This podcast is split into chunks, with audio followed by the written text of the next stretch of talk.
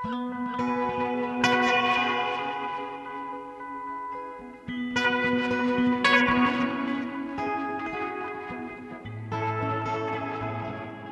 og sæl kærlustendur, velkomin í Víðsjá dagsins. Ég heiti Halla Harðardóttir og er umsjónamaður þáttarins. Á bóðstólum í dag eru vangaveltur um lífið á tímum heimsmeistaramóts, ráftónlistarháttíð og andspyrnulist.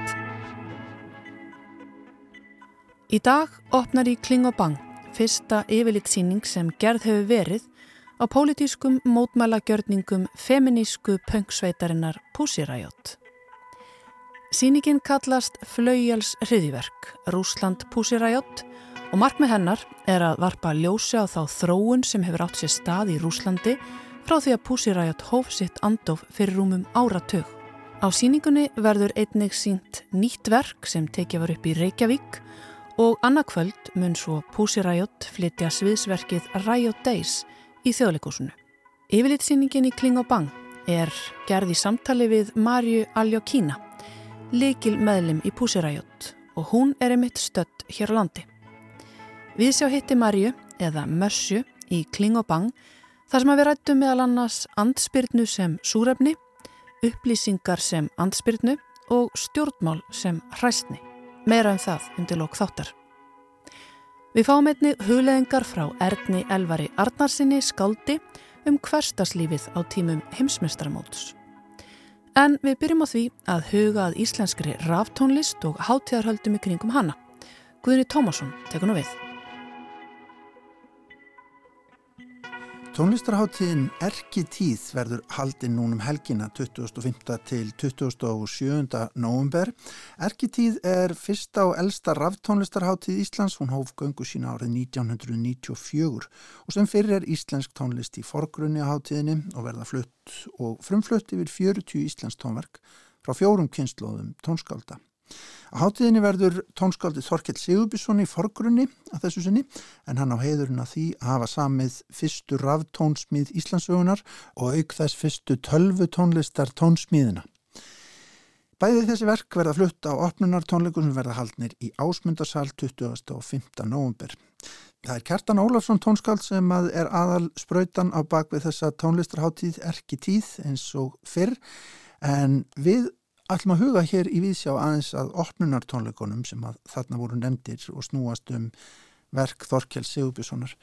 Bjarki Sveinbjörnsson, tónlistafræðingur, þekkir vel til verka Þorkjells og ætlar að segja gestum frá í ásmundarsal á föstutaskvöldi þegar að þrjú ráftónlistaverk Þorkjells sljóma.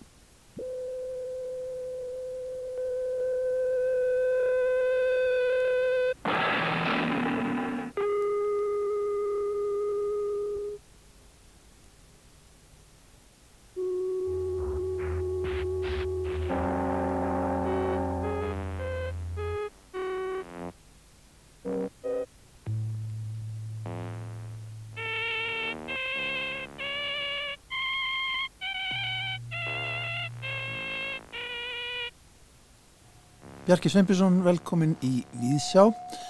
Þú kannar á sín tíma svona frumkvöðla starf Þorkjells Sigurbjörnssonar í elektróniskri tónlist eða raftónlist sem er náttúrulega fókusin á þessari háttíð, erkitíð núna og, og, og kannski sérstaklega verið að halda upp á hlut Þorkjells. Er stort verk sem að liggur eftir Þorkjell hann á þessu sviði? Nei, þau eru, þau eru ekki mörg og það eru skýringar á því sko uh, Þorkjell hann, hann fór í námi í, í, í bandaríkjunum og, og var svona eiginlega á uh, með fingurinn á púlsinu þar þar sem allt var eiginlega gerast mm. í þessu, menn voru að gera tilraunir með, með elektrónustæki og gera tilraunir með hvernig þið gætu nota elektrónist mynduð hljóð í músikalsku samhengi er að segja samið verk sem eru þá byggðu upp á vantilega umsum músikalskum formum og músikalskum fyrirbærum eins og styrk og, og öllu þess áttar, hratt og hægt og fleira og fleira. Þannig að, að um, þetta var mjög, þetta var mjög svona sérsta tímabil í sögun og, og ég hef oft verið að hugsa um það að það er mjög erfitt að sjá fyrir sér til dæmis í dag eitthvað álíka í hljóðheiminum verða eins uh, brjótast eins og í gegn með ný, nýjungar eins og nákvæmlega þetta tímabil því að sko, það sem að gerist með hljóð er það að þú hefur til dæmis uh, ekkert á þessum tíma gæst ekki hlustað á það uh, aftur á bak til dæmis mm. bara einfaldur hlutur sko mm. menn gáttu geimt hljóð á vassorkum og stálþráðum og hljómplötum og allu en svo kom segulbannstækið inni og opnaði fyrir alla þessa möguleika að klippa niður búta, bjúa til rytmaslaufur og taka hljóð og alls konar. Mm. Og, og fyrst sem að er að gerast í þessu er í rauninni sko, um, er í rauninni að menn er að taka upp svo kvöldu konkrétt hljóð, það eru hljóð í náttúrunni og, og af hinn vinstu toga og setja þau inn í ykkur músikalt samhengi, í form og starð og lengd og allt það.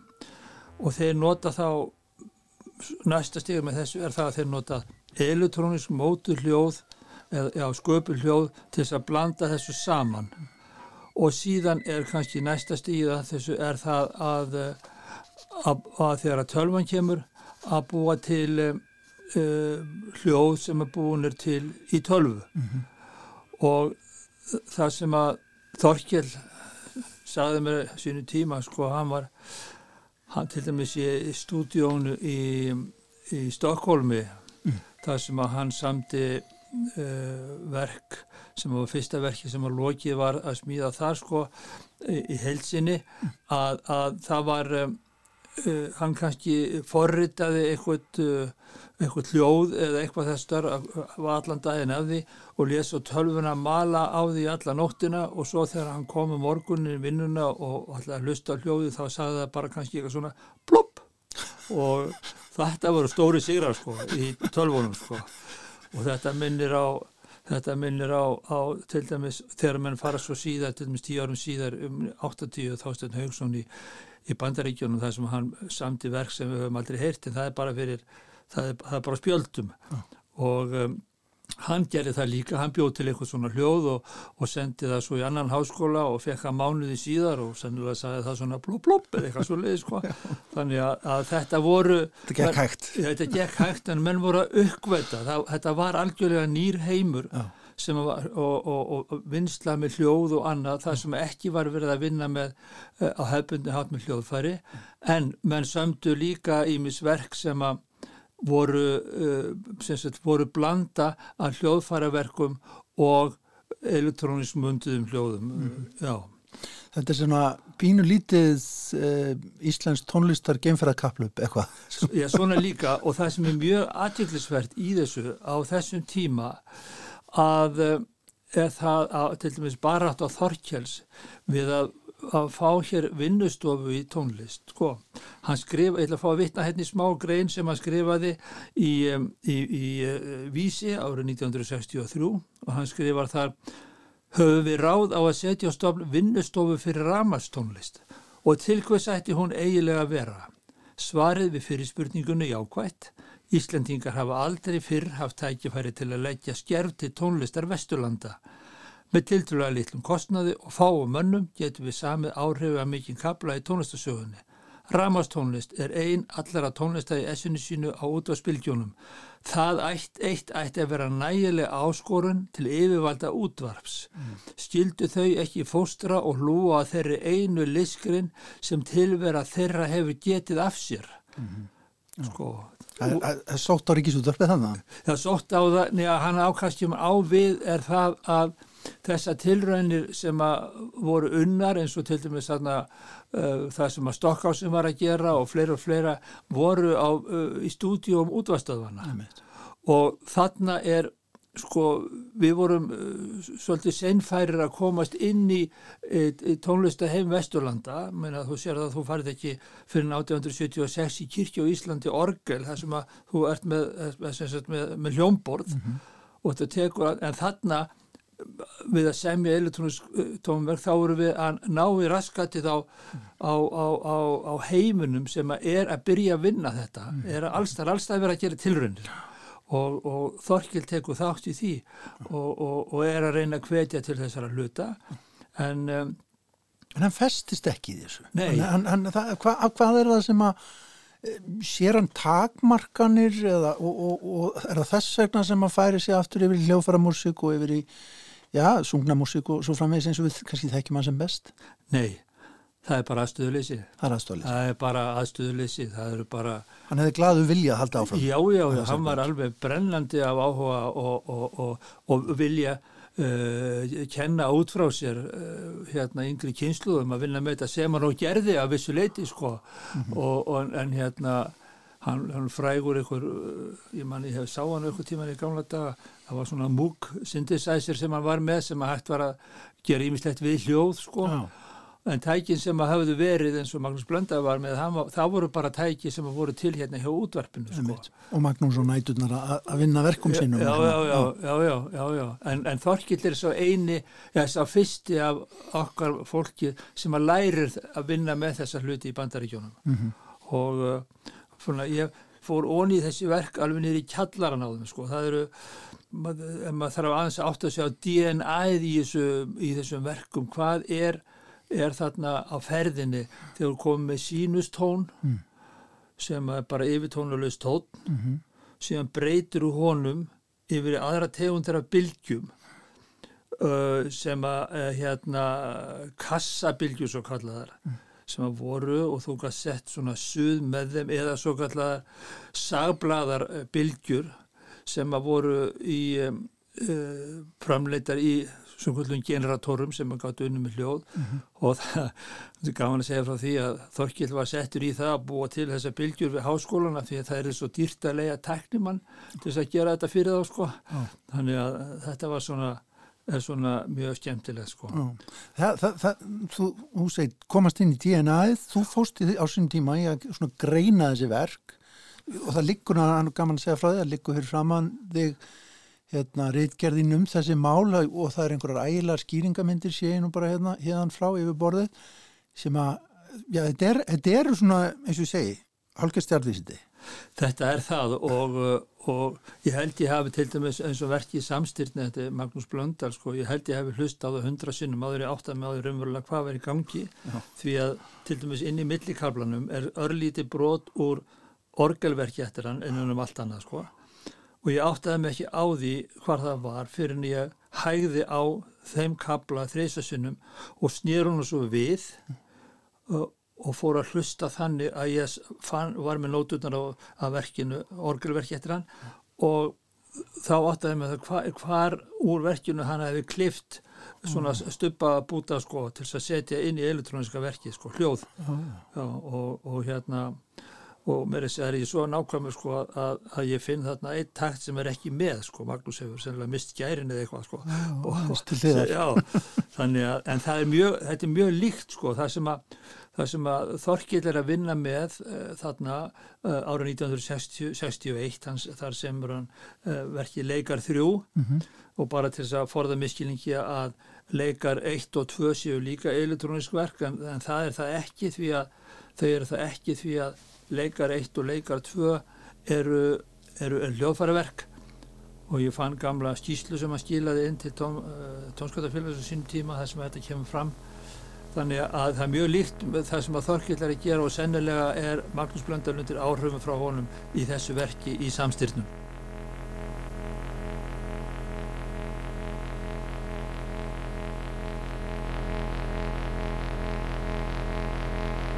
Þetta verk er, er verður í ásmundarsal á förstutaskvöldi. Þú ætlar að segja frá þar. Uh, þar eru tvö verk til viðbútar eftir, eftir Þorkel sem heita Fýpur frá 1971 og Reistrak frá 74 hann er svona, hann kemur aðeins að, að þessu aftur og, og svona í og með Já, sko. hann er forvitnin, hann er hann er forvitnin, hann langar að halda áfram eins og þú segir svo.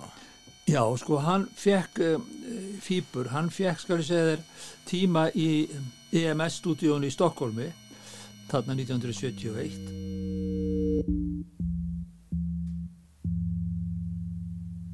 og þar verður til verki fýbur sem eru sjö mínútur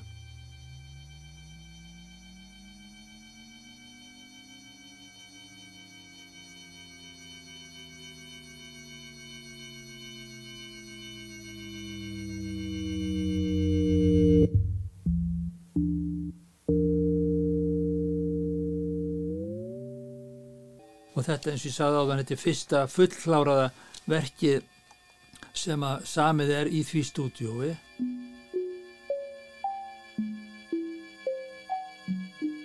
og þar eru eh, kemur ímislegt uh, hérna það eru langar uh, sínustónar komplexar, þetta voru kallað tónigemis á sínu tíma blanda saman hljóði á ymsum tíðnisviðum. og það voru rytmískar hugmyndir. Þetta er náttúrulega tíma minimalismans sem hann er flegi ferð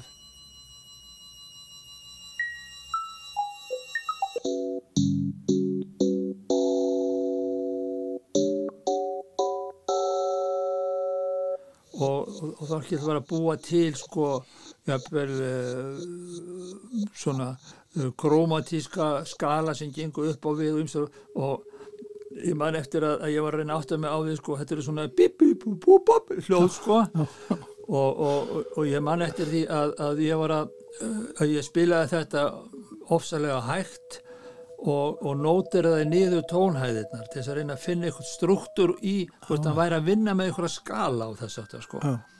Sem að kom svo í ljósa að hann var að gera það. Og, og þetta var skala stökkvandi upp í lítlum þrýjundum og, og einn eða tveim röttum og yminslega þess aftar þannig að svo var hann með hljóma uppbyggingar af ymsum toga og svo rytma minnstur, þetta er allt músík. Já, já.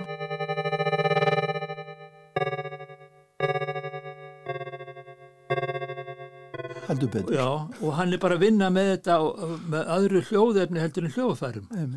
Þannig að það sem við þurfum að hæfi huga þegar við erum að skoða þessa tónlist að, að, að, að ekki segja það að listin sé komin út í svarta myrkrið eins og menn vildu meina á sínu tíma heldur en það að menn er að vinna með uh, Uh, nýjastu tækni og nýjastu tilrunir og ímislega sem að menn er að byggja á í dag sko. Þetta hlýtur að vera sko gullnáma fyrir tónlistafræðinga að vera í þessari kjartsýrufræði Já, þú getur ímyndaði það ég er náttúrulega álurglað í lókinni sko. en hérna en, um, Þetta er spennandi Já, þetta þótti mér á tæknisviði, þarna, tölvu á tæknisviðinu þarna við Háskólan Jólaborg, þá var, var þetta mjög spennandi. Já, já, að fara onni í þetta, en þetta er ofsalegt nostur við þetta og þólumæði að finna út úr þessu hvað þetta er. Og síðan er lokum heyri við ekki reistrakk, sem er líklega fyrsta íslenska uh, fjögurarásaverkið og, og hérna og það er kvadrofónisk eða fjóraratta eins og að hérna og hann var að finna, setja, vinna með það að láta hljóðefnið hlaupa uh, úr einum hátalurum yfir fjóra hátalara mismunandi í salunum, hann var svona á kappastusbraut ah. og uh, um, þetta líkist uh, bílaljóði og uh, og, og svo er ímislega svona element sem eru í músikalsku sköpun Þorkjáls á þessum árum eins og ostinato mm -hmm. þess að endur tekur aftur og aftur friður, friður, friður, friður eða eitthvað mm. verkum hættir hann mm. og, og hérna og uh, þannig að það verður svona það er einlega að sá að tekja 20 mítur en, en hérna en menn þurfa hlusta sér inn í elementin sem eru þarna. Hvað er hann að gera? Hvað verður að vera forvitin og annan hátt heldur en með í, í hennu íslensku sönglægi sko. heldur betur. Já, að, já, eins og ég segi, vera bara forvitin. Hvað er maður hann að gera, já. hvernig hljóð? Hlusta ekki bara út þessum heilan pakka heldur einstök hljóð og hvað eru þið að gera? Já. hvert eru þið að fara og, og, og, og hvernig skapar hann svo heilt úr verkinu sko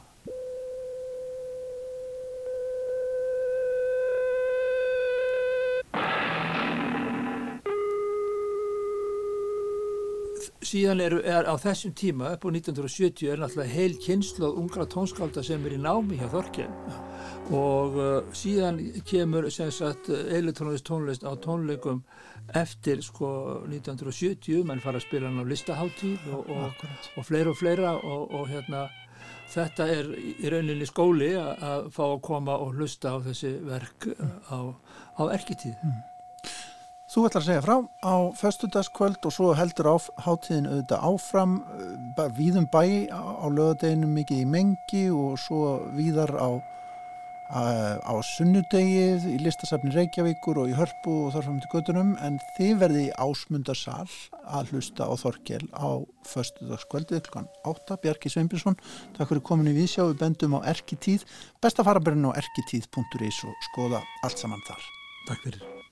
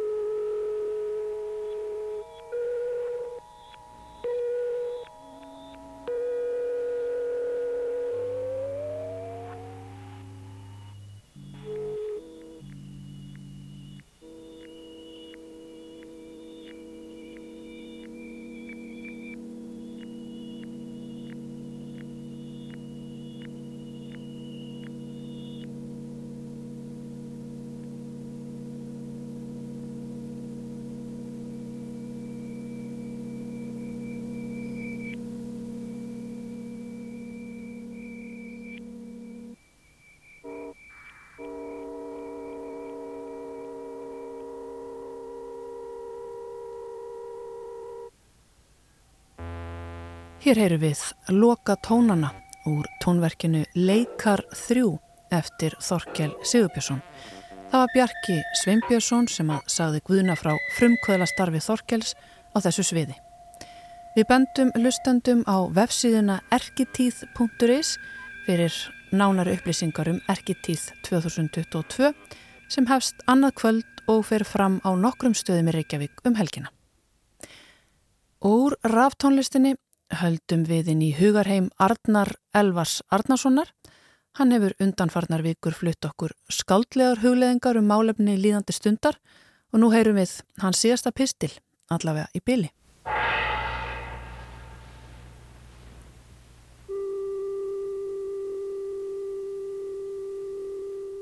Afi er komin. Um það er ekki að villast enda má heyra í tíma og ótíma blýstrað stef úr lægin um rósina. Gólfið er allsett neftópakslettum sem lekið hafa í taumum úr nösum hans og á ljósar flísanar.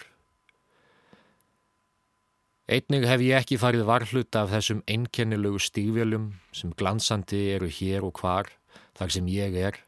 Ég hef séður tóm og vísað mér handan þeirra gangbrauta sem ég lufsast yfir eins og lóur þurkara sem ég fekk gefins frá ókunnugu manni.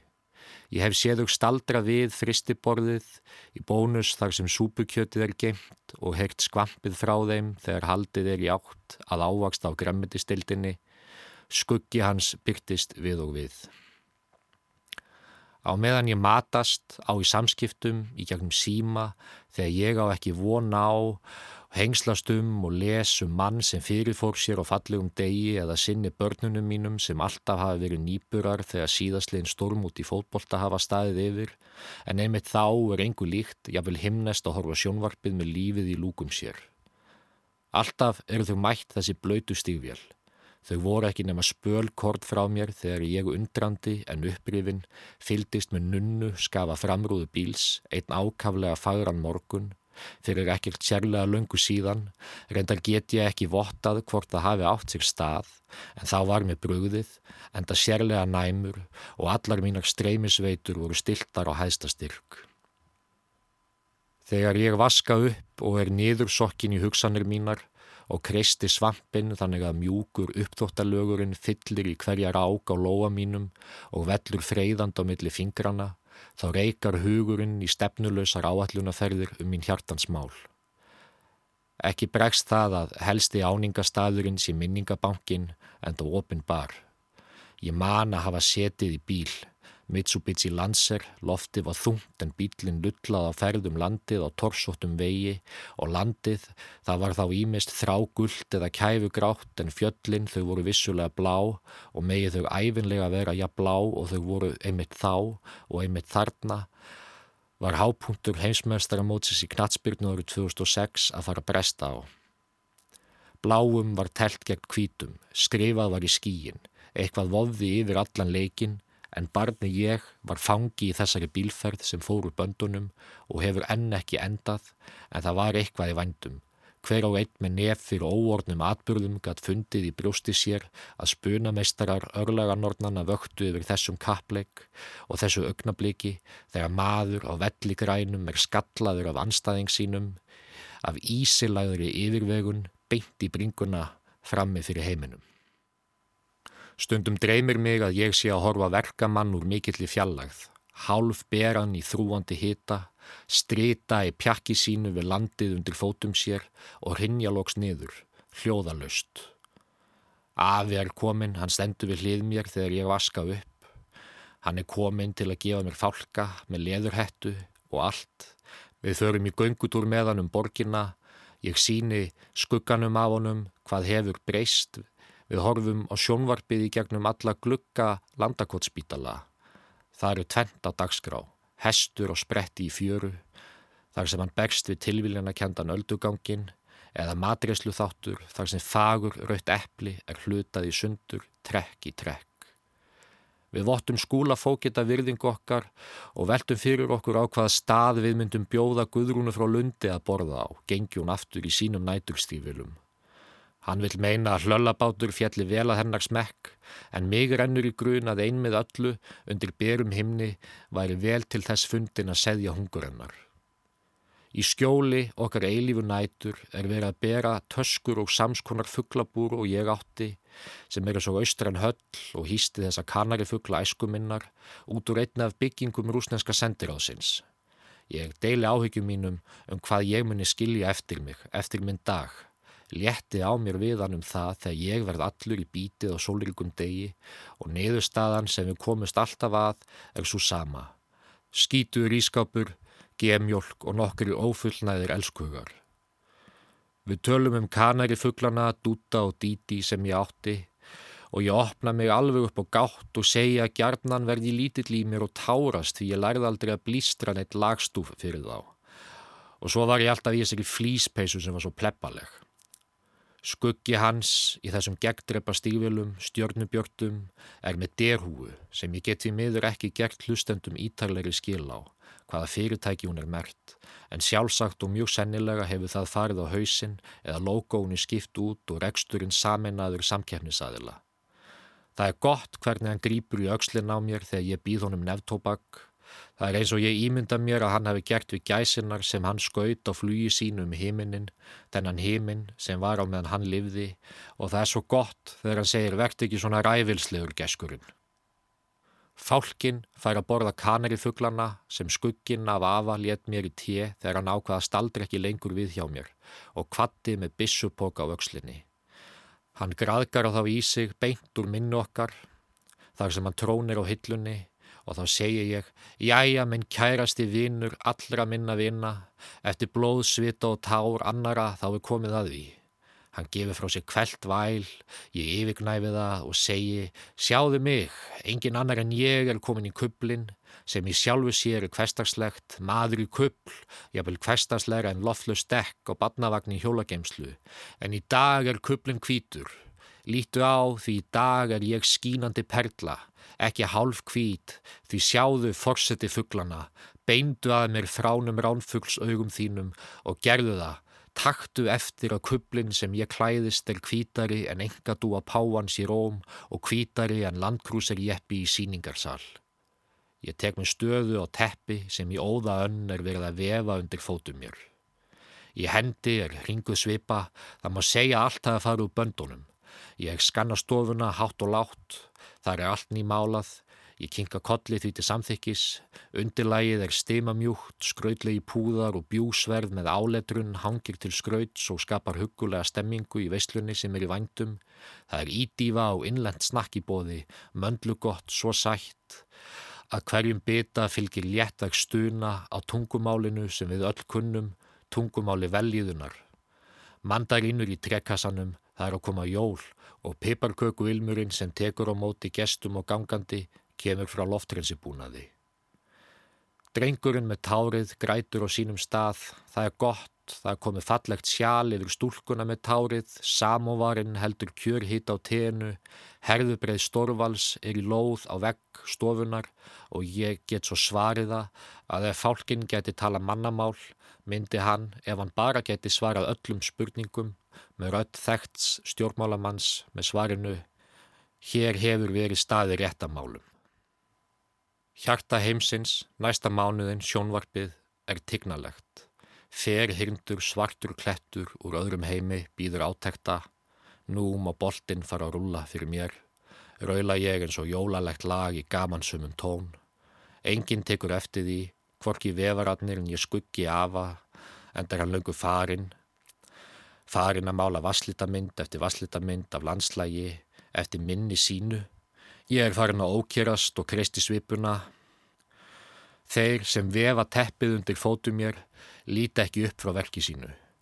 Væri ég ekki með klútin haganlega undið eftir kunstarinnar reglum á höfðinu og þannig sjálfkrafa stattur í öðru menningarsamhengi, geti ég allt eins verið slompaður prestur sem gerir sér til kortir í helgihald og sunnudegi, en hér er ekkit vín, þó ég sé gladur en ögn óstyrkur, Nér í fermingabarnið sem haft var eftir í viðtali í vor að það ætlar að fermast því orgelið er svo undarlega fagur kljóðfari. Það er líkillin að tungumáli Guðs minnir mig að það hefði sagt í þessu viðtali og nei, takk fyrir að spyrja en ég er ekki biskup Íslands frú Agnes að fletta í nýju salmabókinni undir leslampa í hægjendastól. Örn Elvar Arnarsson flutti hér hverstags hugveikju. Þetta var hans síðasti pistill í byli og við þökkum honum kærlega fyrir samfélgina. En þá yfir í myndlist og andspyrnu. Í dag opnar í Kling og Bang fyrsta yfirlitsýningin sem gerð hefur verið á pólitískum mótmálagjörningum Pussy Riot í Rúslandi. Sýningin er gerð í samtali við Maríu Aljókínu með líkil meðlim í Pussy Riot og hún er einmitt stött hér á landi. Ég hitti Maríu eða Mössu í Kling og Bang þar sem við rættum ímislegt meðal annars andspyrnu sem súrefni, upplýsingar sem andspyrnu og hræstni stjórnmálamanna. Áður við heyrum það samtal skulum við rivja örstutt upp sögu púsirætt, pólitíska gjörninga og verk þessa andspyrnu listahóps sem á nefa eru eitt merkilegasta innlegg síðustu áratuga í sögu pólitískrar listar.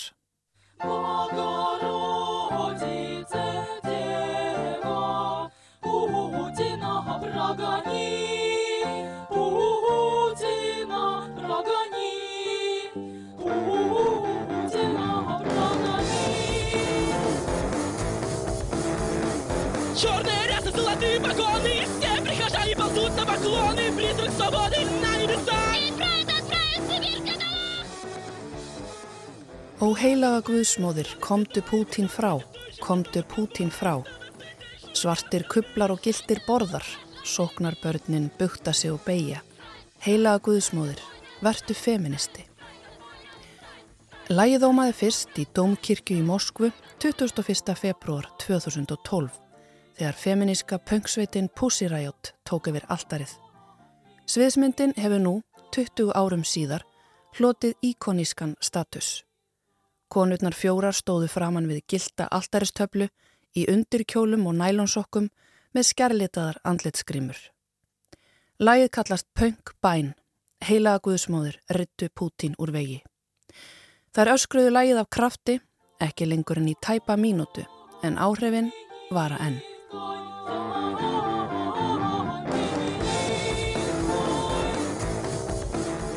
Gjörningurinn vakt ekki aðeins aðtikli í Rúslandi Pútins heldur um alla heimsbyðina og þremur ungum konum úr hljómsveitinni var hent í fangelsi.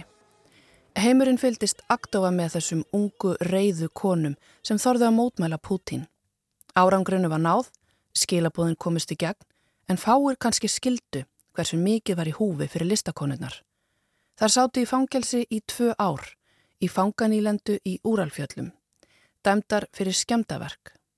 Þar fóru þar í hungurverkfall til að mótmæla aðbúnaði fanga og framkomu ofbeldisfullra fangavarða og heimurinn skrifaði undir ákall Amnesty International um að leysa samveskufangana úr haldi.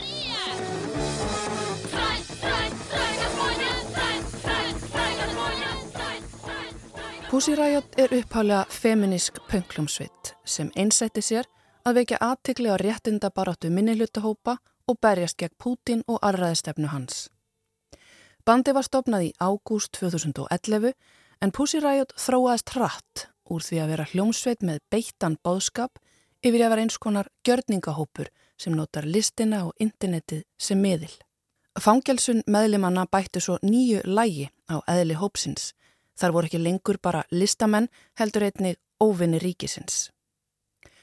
Riot kemur oftast fram óvænt og í almanarímum heldur stutta tónleika sem er svo dreift um internetið.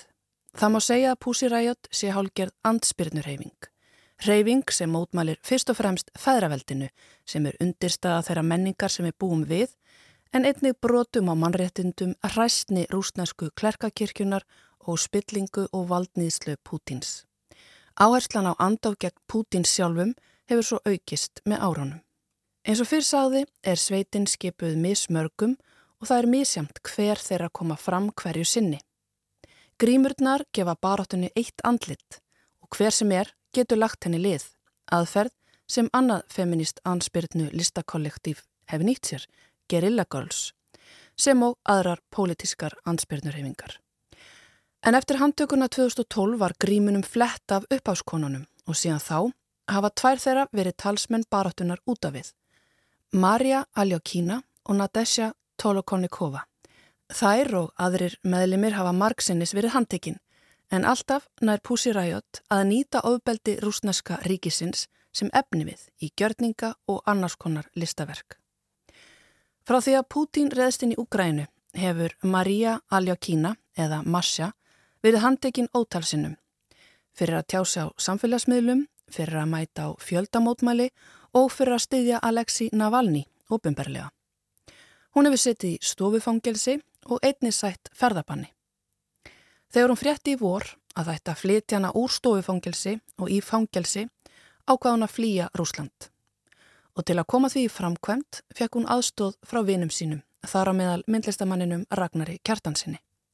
Eftir langt ferðalag með viðkomu í Litáen kom Marsja hinga til lands í sumar á samt öðru meðlumum sveitarinnar og hófust á æfingar á sviðsverkinu Riot Days Verkið byggir á bókmessu Riot Days sem kom út 2017. Bók sem er einskonar manifesto og reynslausaga að því að sitja í fangelsi í tvö ár eftir pöngbænina 2012. Pussy Riot hefur þegar ferðast vít og breytt um Evrópu með verkið sem hefur vakið mikla aðtegli og aðsókn en með síningunni sapna þær fjármunum til að styðja við Ukrænu. Í þessum töluð orðum opna svo í Kling og Bang fyrsta yfirlitsýning sem gerð hefur verið á politísku mótmálagjörningum Pussy Riot. Sýningin kallast Flaugjals hriðiverk, Rúsland Pussy Riot og er í sýningastjórn Dorotheu Kirch, Ingi Bergar Sigurjónsdóttur og Ragnars Kjartanssonar. Á sýningunni verður einnig sínt nýtt verk sem tekið var upp í Reykjavík og annað kvöld mun svo Pussy Riot flytja Riot Days í þjóðleikusinu. Sýningin í Kling og Bang er gerð í samtali við Mössu og það var þar sem ég hitti hana í gær. Eftir að hafa rætt ferðalagi til Íslands og svo nýjafstana útitónleika í Prag, þar sem að Masja nær misti röttina, farðist samtalið að mætti listarnar til að varpa skýru ljósi á þunga hluti. Masja segir markmið síningarinnar í Kling og Bang fyrst og fremst vera sína ákunna þróun sem hefur átt sér stað í Rúslandi. Hvernig landi hefur breyst frá því að Pussy Riot hóf sitt andof fyrir rúmum áratug. So this is our actions street actions and also important events which we had during this all this period and I think one of the main goals is to show how Russia was changing and how we came to this terrible point when it became clear to the rest of the world uh, that it's a terrorist state and Putin is a terrorist, which we were trying to Við viljum reyna að varpa ljósa það hvernig við komumst á uh, þennan stað. Staðinn þar sem að öllum var skindilega ljóst að Rúsland er alræðisríki og að Pútín er hriðjörgamaður, segir Masja. En þetta er nokkuð sem þær í Púsuræjot hafa reynda að miðla með gjörningum sínum í nær áratug eða frá því að þær voru listar úr fangilsi árið 2013.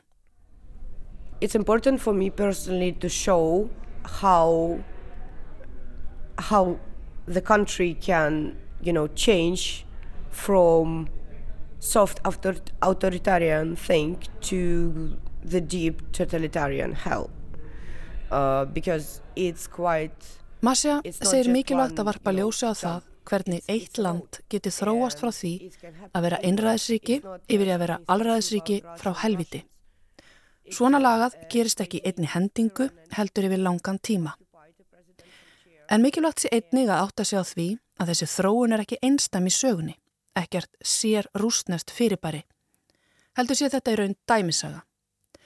Brjálaður harstjóri kemst til valda og nauðgar landinu. Pussy Riot vilji varpa ljósi á hvernig slíkt geta átt sér stað og um leið hvernig þær hafi reynda benda á þann veruleika. Mikið vatn hefur runnið til sjávar frá því að Riot hófu sitt andof.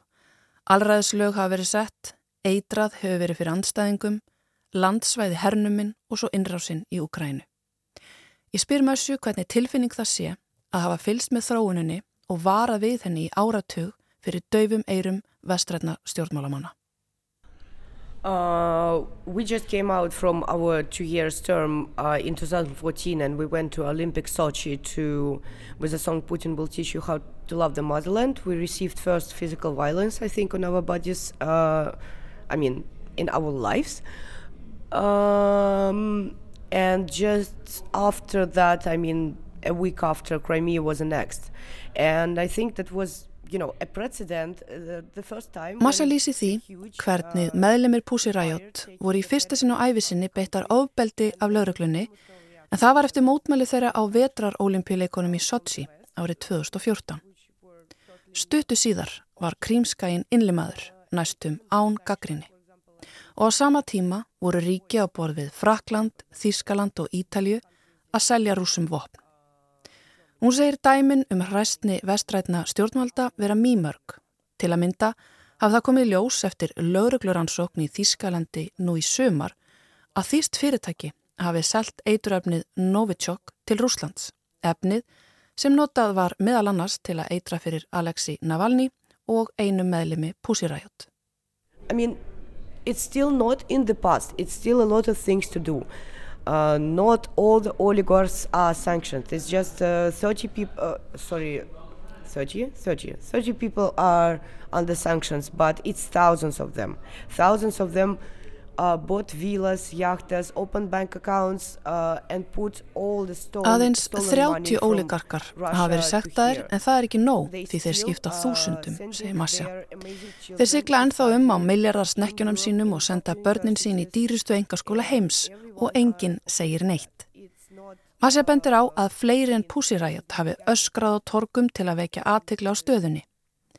Mannréttinarsamtök og einstaka heiðalegu stjórnmálamadur hafi flagga rauðu en það hafi verið nokkuð ljóst að viðskiptahagsmunir hafi alltaf verið teknir fram yfir líf fólks. Og afleðingar þess sjáum við í Úgræn í dag. Uh, I mean, it's politics. So of course I'm sad but let's say I'm not surprised. Hún sé raun ekki hiss á því að svona virki pólitík en auðvitað sé það sorglegt. Hún hafi þó verið hissa fyrir átta árum en nú viti hún hvernig heimurum virki og þess vegna veit hún líka að eina leiðin er að halda áfram að berjast. Allir þurfa að saminast gegn Pútin því haldi andófið ekki áfram verði sprengjum henda fleiri borgir og fleira fólk muni deyja.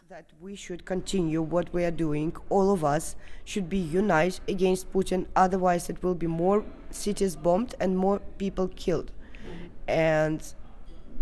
Simple, Eftir að stríði braust út hefur mikið af orgu púsiræjot farið að sapna pening til að senda til Úgrænu. En einnig er upplýsingagjöf stór hluti af barátunni. Meðlemið púsiræjot stopnuðu Mídiasón, fréttaveitu á netinu sem eru frá 2014 flutt óriðt skoða fréttir. Síðan er undir stöðugum árásum en hefur náða að lifa og er í dag eitt mikilvægasta tólið í andspyrnu gegn falsfréttum Pútins. Ég spyr hann út í mikilvægi upplýsinga á stríðstímum. We, we are raising money for Children's Hospital but it's also very important to uh, to publish the information because if you are in Russia it's illegal to publish the information. Uh, so everything which is not approved by the Russian state called fake. So for, for Masja segir miðlun sannleikan skipta öllu máli því í Rúslandi sé ólulögt að segja sannleikan. Allt sem yfirvöld samþykja ekki er sagt falsað. Að deila grein frá erlendri fréttaveitu eða kalla stríðið stríð getur þýtt frá 5 upp í 15 ár í fangelsi. Og það sorglega sé að stór hluti rúsa trúi falsvettum Pútins. Áráður virkar og við vitum þetta því sagan hefur kjent okkur það, segir hún. Things, but the truth is that propaganda, totalitarian propaganda works. This is sad reality, it works. It worked like in different countries, it worked in Nazi Germany, it worked in Ruganda, it working in Russia.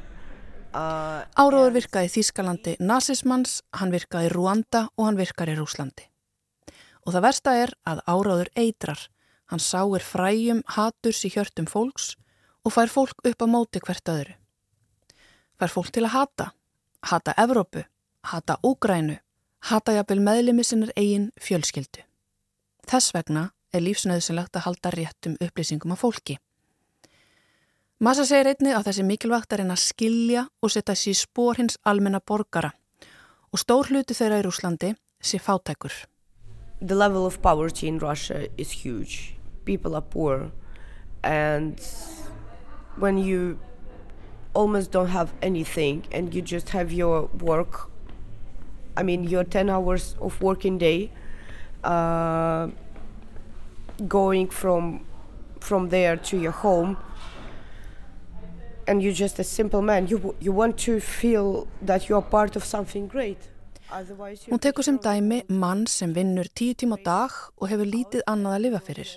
Fyrir þennan mann er mikilvægt að vera hluti af starra samhengi. Það gefir lífinu tilgang. Þegar þessi sín brestur, þá brestur líka veröldin og afleðingin getur verið sjálfsmorð.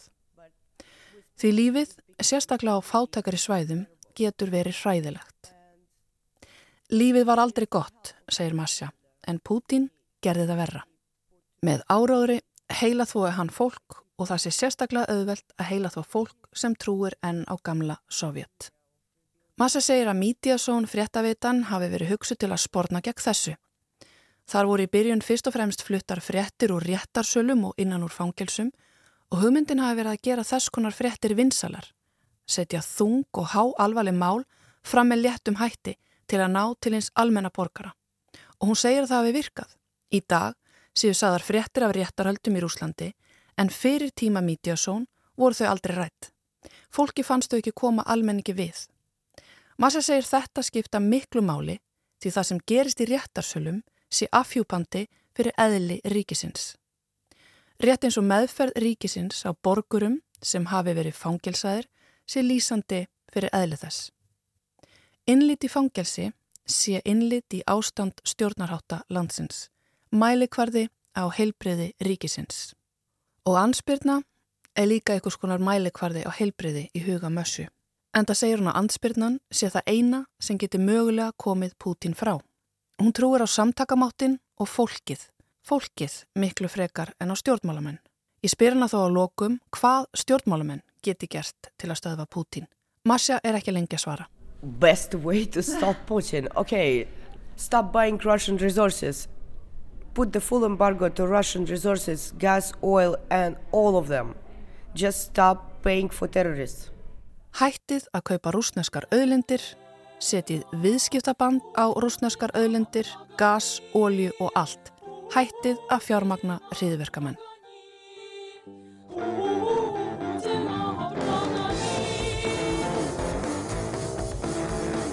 Черные рясы, золотые погоны Все прихожане ползут на поклоны Призрак свободы на небеса И пройд отправить Сибирь каталог Глубоко губы, главный седой Ведет протестующих снова конвой Чтобы святейшего не оскорбить Жить или муж рожать и любить Страсть, страсть, страсть Господня Страсть, страсть, страсть Господня Страсть, страсть, страсть Господня Страсть, страсть, страсть Господня Pöngbæn frá Pussy Riot með ósk til heilarar Guðsmóður um að hún sé feministi og bón um að hún riðji Putin frá völdum.